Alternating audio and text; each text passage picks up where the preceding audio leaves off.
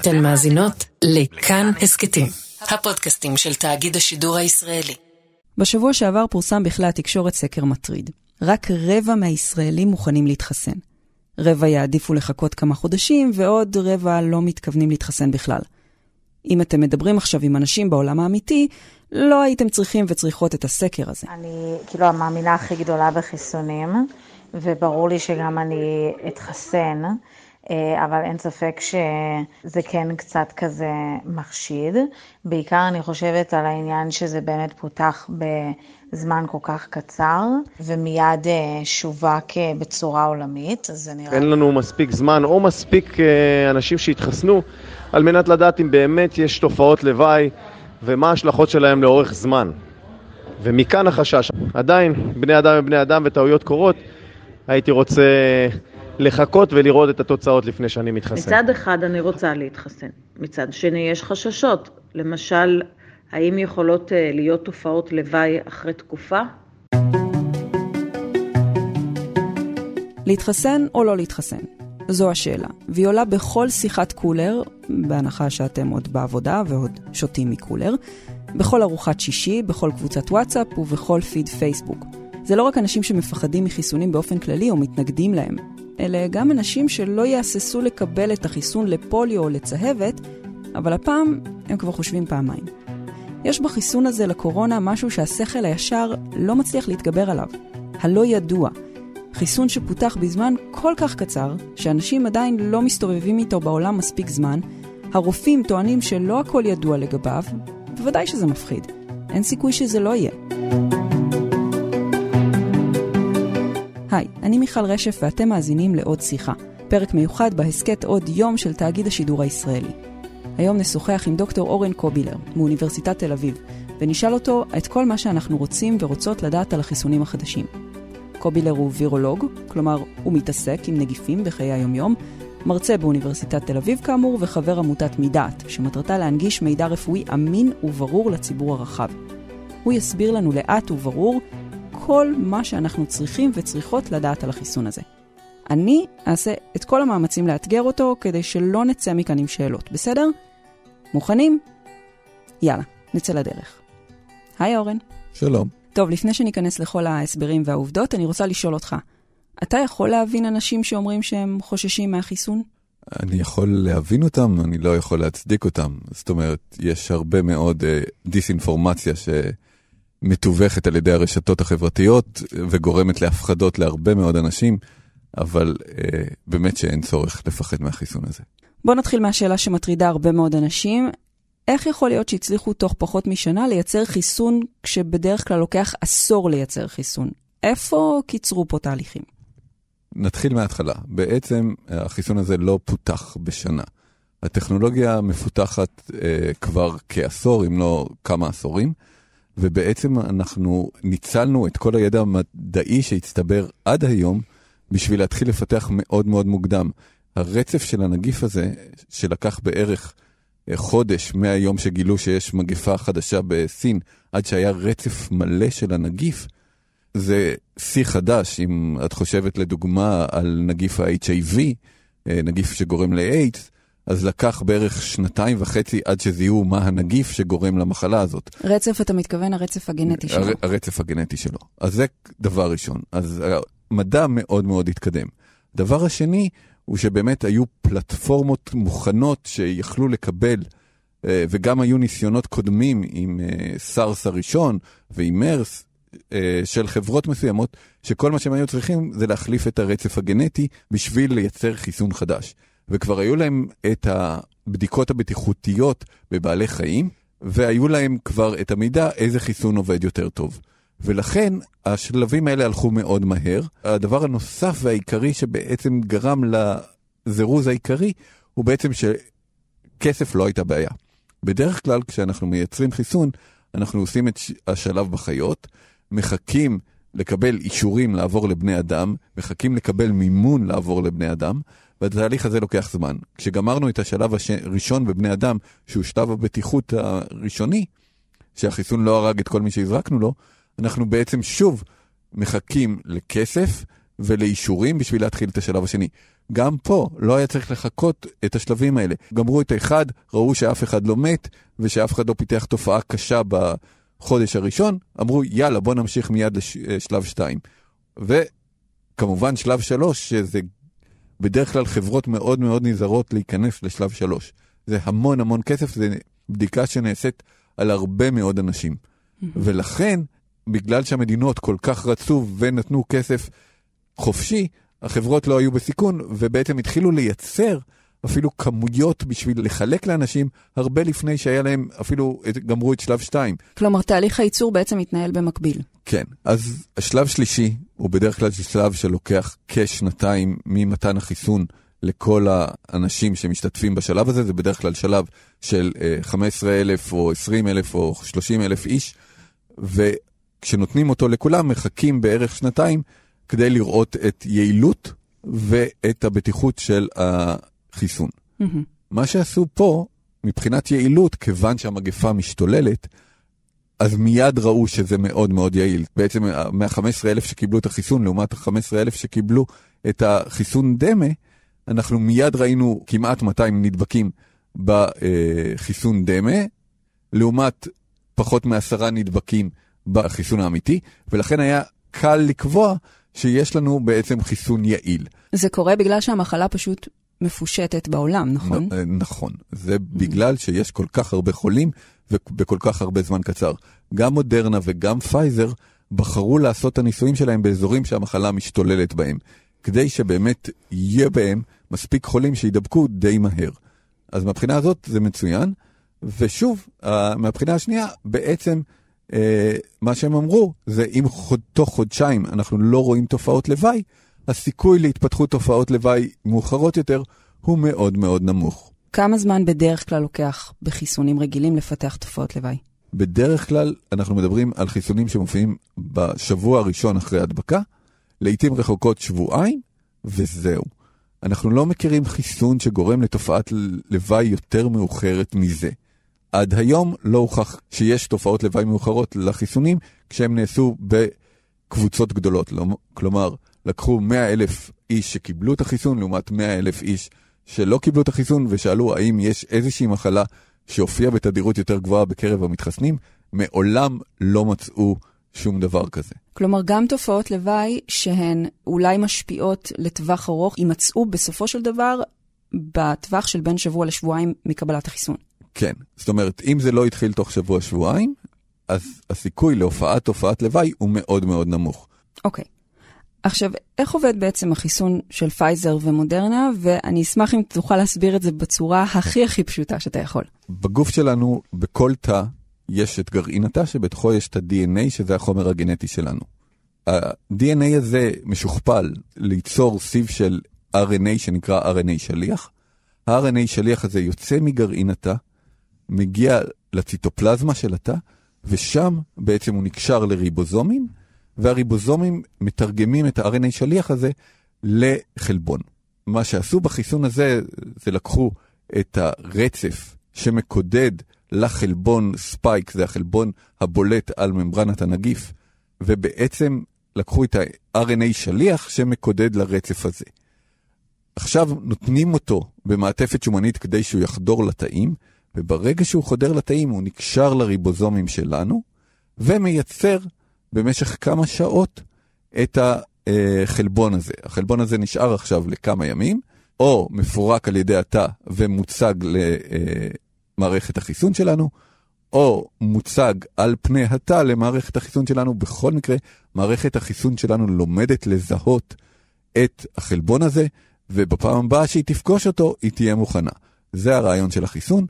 Uh, הרעיון הזה הוא פחות או יותר הרעיון שמופיע בכל החיסונים שלנו, ללמד את מערכת החיסון לזהות את אחד החלבונים של הנגיף, וכך אנחנו בונים את כל החיסונים. פה, uh, בניגוד לשיטות אחרות, בעצם זה זמן קצר מאוד שגם ה-mRNA וגם החלבון שוהים בתוך הגוף שלנו, כי ל-mRNA יש זמן מחצית חיים מאוד מאוד קצר. זה אומר שהוא מתפרק עד 24 שעות מהרגע שהוא נכנס לגוף שלנו. אז בעצם הוא לא יכול לשנות לנו את ה-DNA. לא, הוא לא נכנס בכלל לגרעין.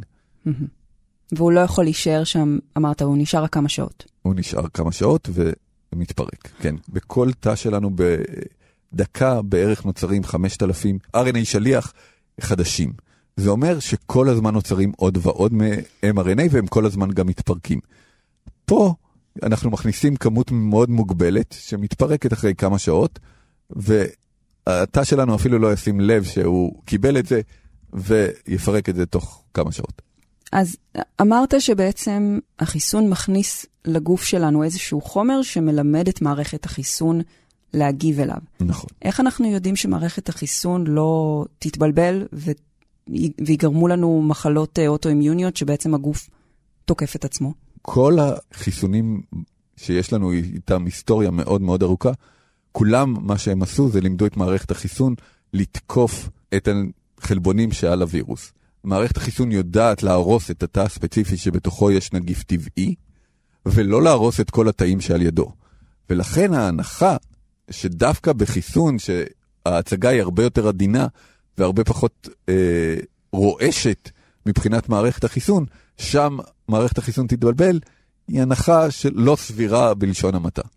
אז גם הטענה הזאת שהחיסון יכול לפגוע בחלבונים שאולי משמשים את השלייה בקרב נשים בהיריון, זה בעצם לא יכול לקרות.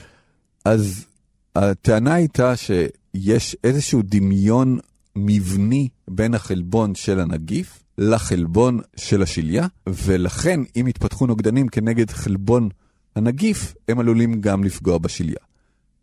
אבל אנחנו יודעים, לצורך העניין, שחלבונים כנגד החלבון של הנגיף נוצרים גם בהדבקה טבעית. ובהדבקה טבעית לא ראינו הפלות. ויש לנו כבר מספיק נתונים להגיד שאולי יש לידות מוקדמות כתוצאה מהנגיף הזה, אבל הפלות אין כתוצאה מהנגיף הזה, ולכן הסיכוי שזה פוגע בשליה הוא מאוד מאוד נמוך, שזה מה שהיינו מצפים אם באמת היינו מפתחים נוגדנים כנגד השליה. וחוץ מזה, הדמיון הוא לא גדול, הוא לא מספיק גדול. אה, אנשים שתחום העיסוקם הוא אימונולוגיה, בעצם בדקו את הדמיון בין שני החלבונים האלה ואמרו שאין מספיק דמיון בשביל שתתפתח תגובה נגד החלבון של השליה. התשובה שלך בעצם מובילה אותי לשאלה הבאה. בשלב הנוכחי, כן. עם מה שאנחנו יודעים על קורונה ומה שאנחנו יודעים על החיסון, שבעצם למדנו את, שם, את שניהם פחות או יותר לאורך אותה תקופה, מה יותר מסוכן כרגע, החיסון או המחלה?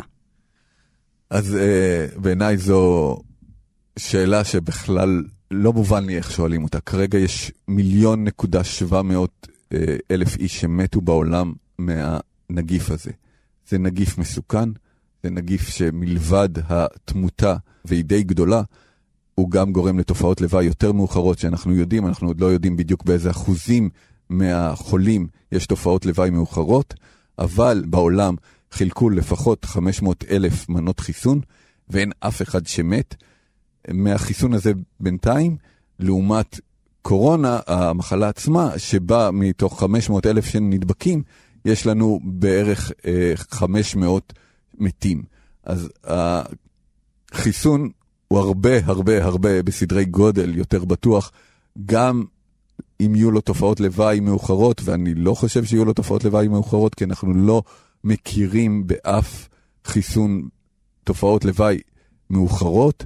ואנחנו לא אה, מכירים בחיסון הזה דווקא, שהוא עם זמן מחצית חיים מאוד קצר בגוף, הסיכוי שדווקא הוא זה שיפתח תופעות לוואי מאוחרות, הוא הרבה יותר נמוך מכל החיסונים שניסינו עד היום. הטכנולוגיה הזאת של ה-RNA שליח היא בעצם נועדה לקצר את שהות החומר הגנטי הזה הזר בגוף שלנו, וההנחה היא שכיוון שהוא שוהה מעט מאוד זמן, הסיכוי לתופעות לוואי מאוחרות הוא מאוד מאוד קטן, ולכן אין בעיניי ספק שהמחלה הרבה יותר מסוכנת בכל הגילאים לעומת החיסון. בוא נחזור רגע אז לחיסונים. כמה אנשים נפגעו בתהליך הניסוי, גם של פייזר וגם של מודרנה, וממה בעצם הם נפגעו? היו גם כמה מתים בחיסון הזה שראינו ככה בכותרות בשבועות האחרונים. אז נתחיל מתופעות הלוואי הנפוצות מהחיסון הזה, שהן תופעות לוואי מקומיות. זאת אומרת, התנפחות של אזור ההזרקה, אודם באזור ההזרקה, כאב באזור ההזרקה, לפעמים זה מלווה גם בעייפות, בכאבי שרירים גם אה, קצת יותר נרחבים, כאבי ראש לפעמים, וחום אה, בדרך כלל שעובר תוך יומיים. זה התופעות לוואי העיקריות של החיסון הזה. הן קורות באחוזים טיפ-טיפה יותר גבוהים, אנחנו חושבים, ממה שזה קורה בחיסון השפעת, אבל כל מה שזה מרמז זה שהפעלנו את מערכת החיסון בצורה אה, טובה.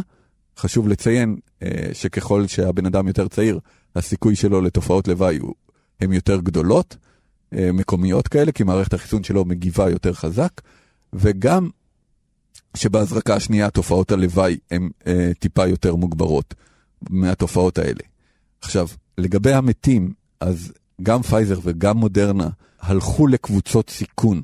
אה, אנשים עם מחלות לב, אנשים עם סכרת, אנשים מבוגרים מאוד, אה, ובעצם חיסנו גם אותם כדי לבדוק שהחיסון מתאים לקבוצות שאותם אנחנו רוצים לחסן. וכשאנחנו לוקחים אוכלוסייה כזאת, הסיכוי למות הוא קיים כשאתה מסתכל על אוכלוסייה של אה, עשרת אלפים איש לאורך תקופה של שלושה חודשים, כשהם בגילאי 75 ועם מחלות נוספות. אה, אז אכן, בחיסון של פייזר מתו שני אנשים. לעומת זאת, בקבוצה ביקורת שקיבלה חיסון דמה, והחיסון דמה לא מכיל כלום, שם מתו ארבעה אנשים. כי, שוב, זה קבוצות שאתה מצפה שחלק מהם ימותו כתוצאה מהתקף לב, כתוצאה מכל מיני דברים אחרים, במהלך החיסון. וזה קורה. בחיסון של מודרנה אה, מישהו חטף מכת ברק, אין להניח שזה כתוצאה מהחיסון, אלא כתוצאה מדברים שקורים. הם הגיעו לרמה כזאת של אה, דיווח, שאפילו אחד הילדים או הנערים שקיבל חיסון, גם נשבר לו אף ממכות בבית ספר, וגם את זה אנחנו יודעים. היו כמה, אבל בכל זאת שפיתחו תגובה אלרגית לחיסון, נכון? היו שם אה, שני עובדי רפואה באלסקה שפיתחו תגובה אלרגית, למרות שלא היה להם היסטוריה של אלרגיה. אנחנו יודעים להסביר למה זה קרה? לכל החיסונים שאנחנו נותנים יש תגובה לפעמים אלרגית. כרגע, אה, כמו שאמרתי, אנחנו מדברים על ארבעה אנשים שבעצם פיתחו תגובה אלרגית, אה, שזה בערך אחד ל-100 אלף מחוסנים. זה כמות סבירה לחלוטין לפיתוח תגובה אלרגית. אף אחד מהם לא נפגע לאורך זמן, הם טופלו מיד וחזרו לעצמם תוך יומיים שלושה, אז אני לא רואה בזה איזשהו משהו מטריד במיוחד או משהו בעייתי במיוחד. אפשר לטפל באלרגיה, היא מחלה שכשמטפלים בה ומקפידים אה, לקבל את החיסון כמו שצריך, אז הסיכון בה הוא מאוד נמוך למי שמפתח את האלרגיה, אם יש לידו צוות רפואי מיומן, ולכן כל מי שמקבל את החיסון חייב להישאר רבע שעה במקום ה... עם הטיפול הרפואי, ומי שיש לו סיפור של אלרגיה, אני הייתי ממליץ לו להישאר אפילו חצי שעה, כדי לוודא שהוא לא מפתח שום דבר אה, בתקופה הזאת. אבל מעבר לזה, אין סיבה לחשוש יותר מזה. גם בחיסונים האחרים, תמיד יש לנו מקרים של אלרגיה, ואנחנו מודעים אליהם, וזה לא סיבה למנוע את החיסון. החיסון של אסטרזניקה עובד בטכנולוגיה קצת שונה, נכון? נכון. מה, מה הטכנולוגיה הזאת? היא טכנולוגיה שאמורה להיות יותר בטוחה, היא יותר מוכרת לנו מחיסונים אחרים? אז הטכנולוגיה הזאת בעצם, במקום לקחת אה, mRNA, היא לוקחת אה, DNA, שמכניסה את ה-DNA הזה לתוך DNA של נגיף אחר, שנקרא נגיף אדנו, זה נגיף שגורם לנו בדרך כלל לצננת, למחלה של אה, שיעול ונזלת, ו, ובזה זה מסתיים בדרך כלל. והנגיף הזה, לתוך הרצף הגנטי שלו, החדרנו את הרצף הגנטי של אה, החלבון של הספייק של הקורונה, וכשהוא נכנס לתא, כל מה שהוא יודע לבטא זה את ה-mRNA של חלבון הספייק. אז מה שהחיסון הזה עושה, הוא בעצם נכנס לנו לגרעין התא, ובגרעין התא הוא מייצר את ה-mRNA, וה-mRNA יוצא בדיוק כמו ה-mRNA שאנחנו נותנים ממודרנה, הוא יוצא לתוך הציטופלזמה, ושם הוא מייצר לנו את חלבון הספייק שמערכת החיסון שלנו תלמד לזהות. אז זו אותה תוצאה פשוט ממקום אחר בתוך התא? זה אותה תוצאה ממקום אחר באותו בתא, וזה כמובן אומר שה-DNA יכול להישאר להרבה יותר זמן מאשר ה-mRNA. זאת אומרת, תא שהודבק ב-DNA, ה-DNA יישאר שם לתקופה שהיא הרבה יותר ארוכה מאשר ה-mRNA. אז מה זה אומר? זה אומר שזה יותר בטוח לטווח ארוך? זה אומר שזה יכול יותר לעשות, אה, אני יודעת מה, תופעות לוואי לטווח ארוך? מה ההבדל בבטיחות בין שני החיסונים? בגדול, אין כמעט הבדל בבטיחות. כמו שאמרתי, אם הייתי מצפה לאיזושהי תופעת לוואי לטווח ארוך, הייתי מצפה יותר בחיסון של אסטרזניקה, אבל החיסון של אסטרזניקה כבר נוסו בבני אדם לתקופות ארוכות ואושרו לשימוש, אה, ולא ראו בהם תופעות לוואי לטווח ארוך, כמו שאמרתי קודם, לא ראינו באף חיסון. אז מהבחינה הזאת הוא כאילו יותר בטוח כי הוא כבר נוסה, אבל מבחינה ביולוגית proper, הסיכוי שהוא יגרום לתופעות לוואי ארוכות טווח הוא יותר גדול מהחיסון של מודרנה או פייזר. אוקיי, okay, אני רוצה לשאול אותך קצת על הבירוקרטיה מאחורי, ה... מאחורי הניסויים האלה. איך הרשויות בעצם בודקות, שמענו את האישור של ה-FDA, את האישור של הבריטים, גם אצלנו כאן במשרד הבריאות, איך הרשויות בעצם בודקות את החיסונים של פייזר ומודרנה? הרי הכל בעצם מבוסס על נתונים שהחברה הביאה להם, אז יש להם בכלל אפשרות לבדיקה עצמאית? יש להם יכולת לבקר את הנתונים האלה? אז יש ועדה חיצונית לפייזר ומודרנה. מודרנה ופייזר מחלקים את החיסון בעצם אה, בלי לדעת, לא הרופאים, לא המטופלים, וגם לא אה, פייזר ומודרנה לא יודעים למי ניתן מה. זאת אומרת, הם עושים רנדומיזציה של המנות ומחלקים אותם באופן שווה. ולכן, אחר כך הם אוספים את הנתונים מהרופאים שאין להם מושג מי חלה, אם הוא קיבל את החיסון או את החיסון דמה, והם אוספים את הנתונים. ומי שבודק את הנתונים האלה ועורך אותם, הוא בעצם אה, צוות מומחים חיצוני לחברה, אה, שמונה מיד עם התחלת השלב השלישי. כדי שהוא יעשה את האנליזות האלה, הוא חיצוני לחברה. בדרך כלל אנשים מאוד מאוד רציניים, אה, שלא ייקחו כסף מהחברה ולא יעשו אה, שטויות, כי שמם הטוב הרבה יותר חשוב להם מעוד סכום כסף קטן. כלומר, אינטרסים כלכליים לא יכולים להיכנס כאן. לא. ושוב, ואחר כך הם גם צריכים להראות את זה ל-FDA, שאכן החברה עבדה כמו שצריך. ולכן אנחנו לא מאמינים שיכולות להיות שם טעויות אה, מאוד גדולות, כמובן, טעויות ברישום לעיתים רחוקות קורות, אבל דברים קטנים מאוד. אוקיי, okay, מה אנחנו יכולים להגיד על החיסון אה, לגבי נשים בהיריון ולגבי ילדים? בינתיים עוד אסור לחסן את שתי הקבוצות האלה, נכון? אז אה, היום, להבנתי, משרד הבריאות יצא בהוראה שאם אישה בהיריון רוצה להתחסן, היא יכולה. מה שקרה הוא שפייזר ומודרנה לא בדקו את החיסונים האלה על נשים בהיריון ולא על ילדים מתחת לגיל, אה, פייזר מתחת לגיל אה, 16 ומודרנה מתחת לגיל 18. כרגע שתי החברות עושות חיס... אה, את הבדיקה על ילדים מגיל 18 עד 12, אבל מתחת ל-16 כרגע אין אישור לתת אותו לאף אחד, זה אחד. לעומת זאת בנשים בהיריון גם לא עשו את הבדיקה, ולכן ההמלצה הראשונית הייתה אל תחסנו נשים בהיריון, אבל בגלל שהחיסונים האלה לא נראה לנו שהם בעייתיים וכרגע הפרופיל הבטיחותי שלהם הוא מאוד מאוד גבוה, אה, בעצם הוחלט גם על ידי האיגוד אנשים, אה, הבריאות הנשים של ארצות הברית וכל מיני איגודים נוספים, אמרו, תנו לאישה לבחור.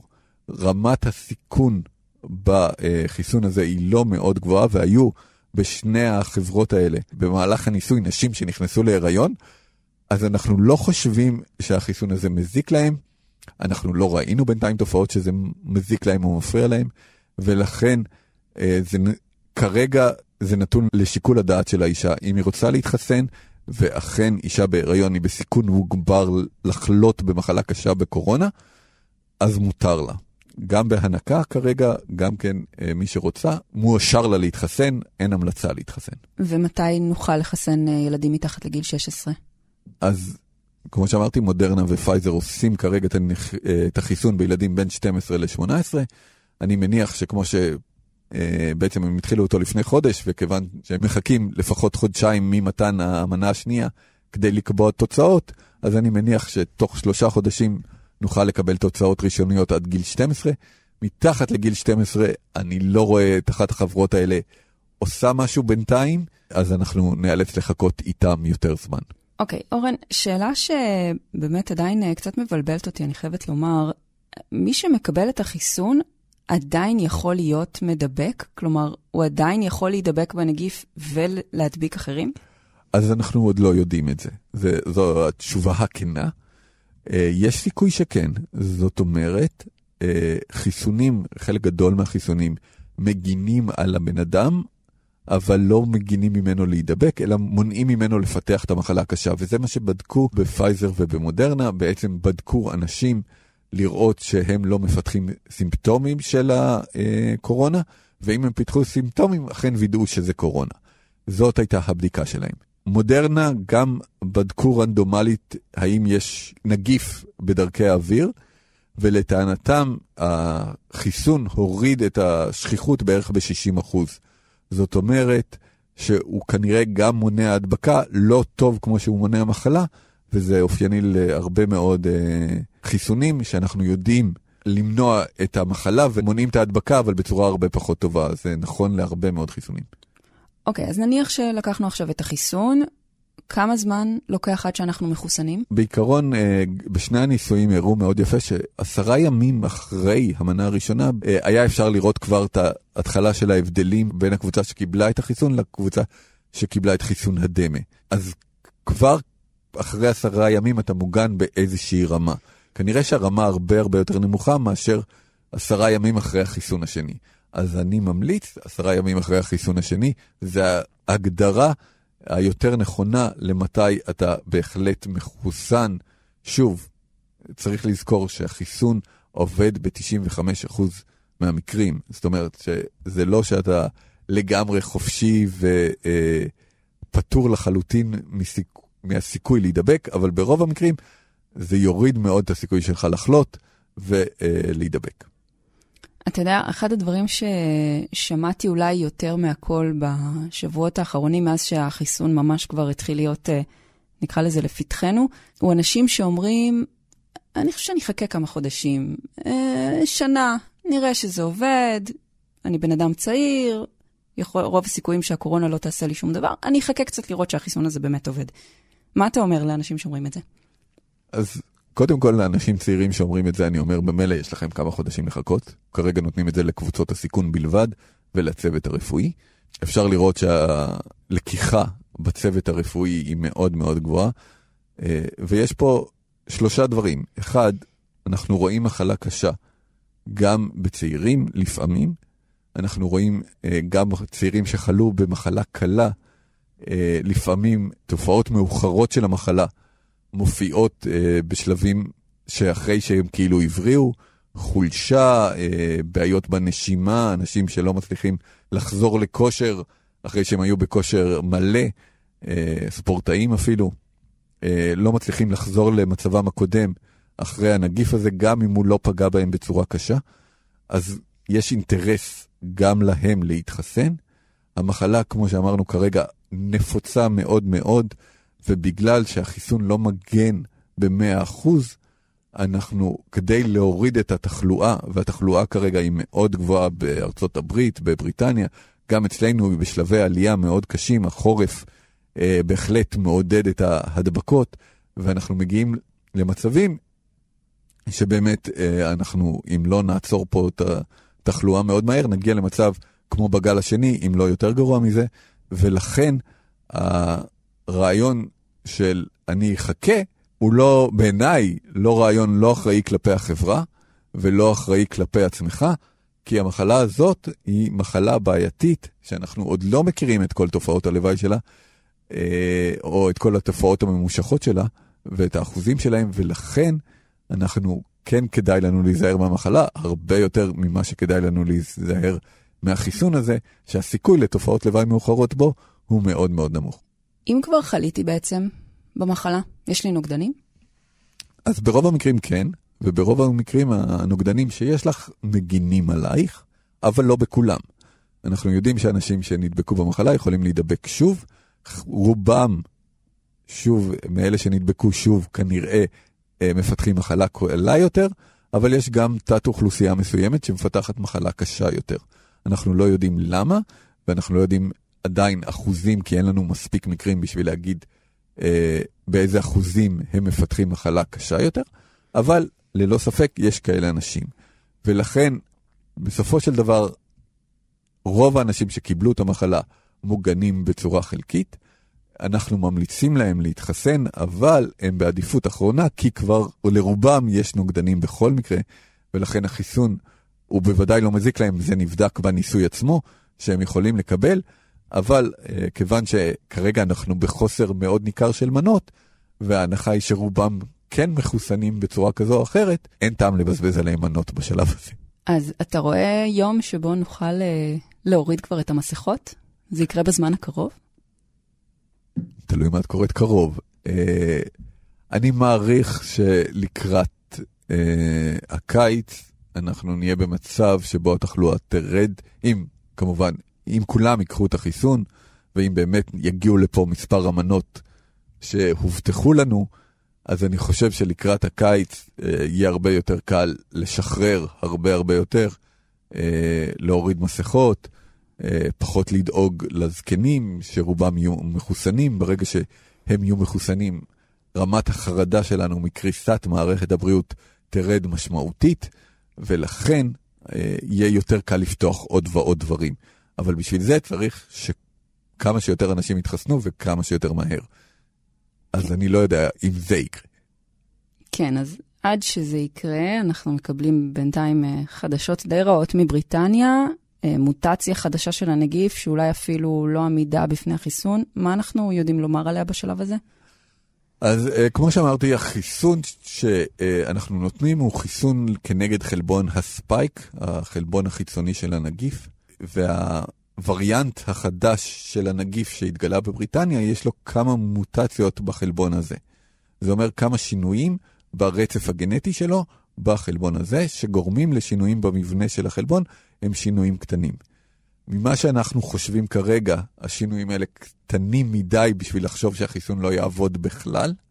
זאת אומרת, כיוון שהחיסון נוצר כנגד כל החלבון הגדול הזה, והשינויים הם שינויים נקודתיים בחלבון, רוב הסיכויים שהחיסון יהיה מספיק טוב כדי להגן גם כנגד המוטציה הזאת. אנחנו לא מכירים חיסונים שכנוגדם נוצר אה, זן חדש של נגיף או חיידק שלא מזוהה יותר על ידי החיסון.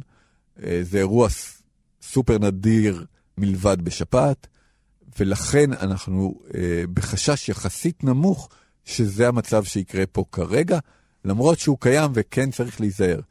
החיסון, היתרון הגדול שלו, שהוא גם מקטין את כמות הווירוס שבעצם אה, משתכפל בתוך בני אדם, ולכן גם קצב צבירת המוטציות של הנגיף הולכת ויורדת ככל שיותר ויותר אנשים מחוסנים כנגדו.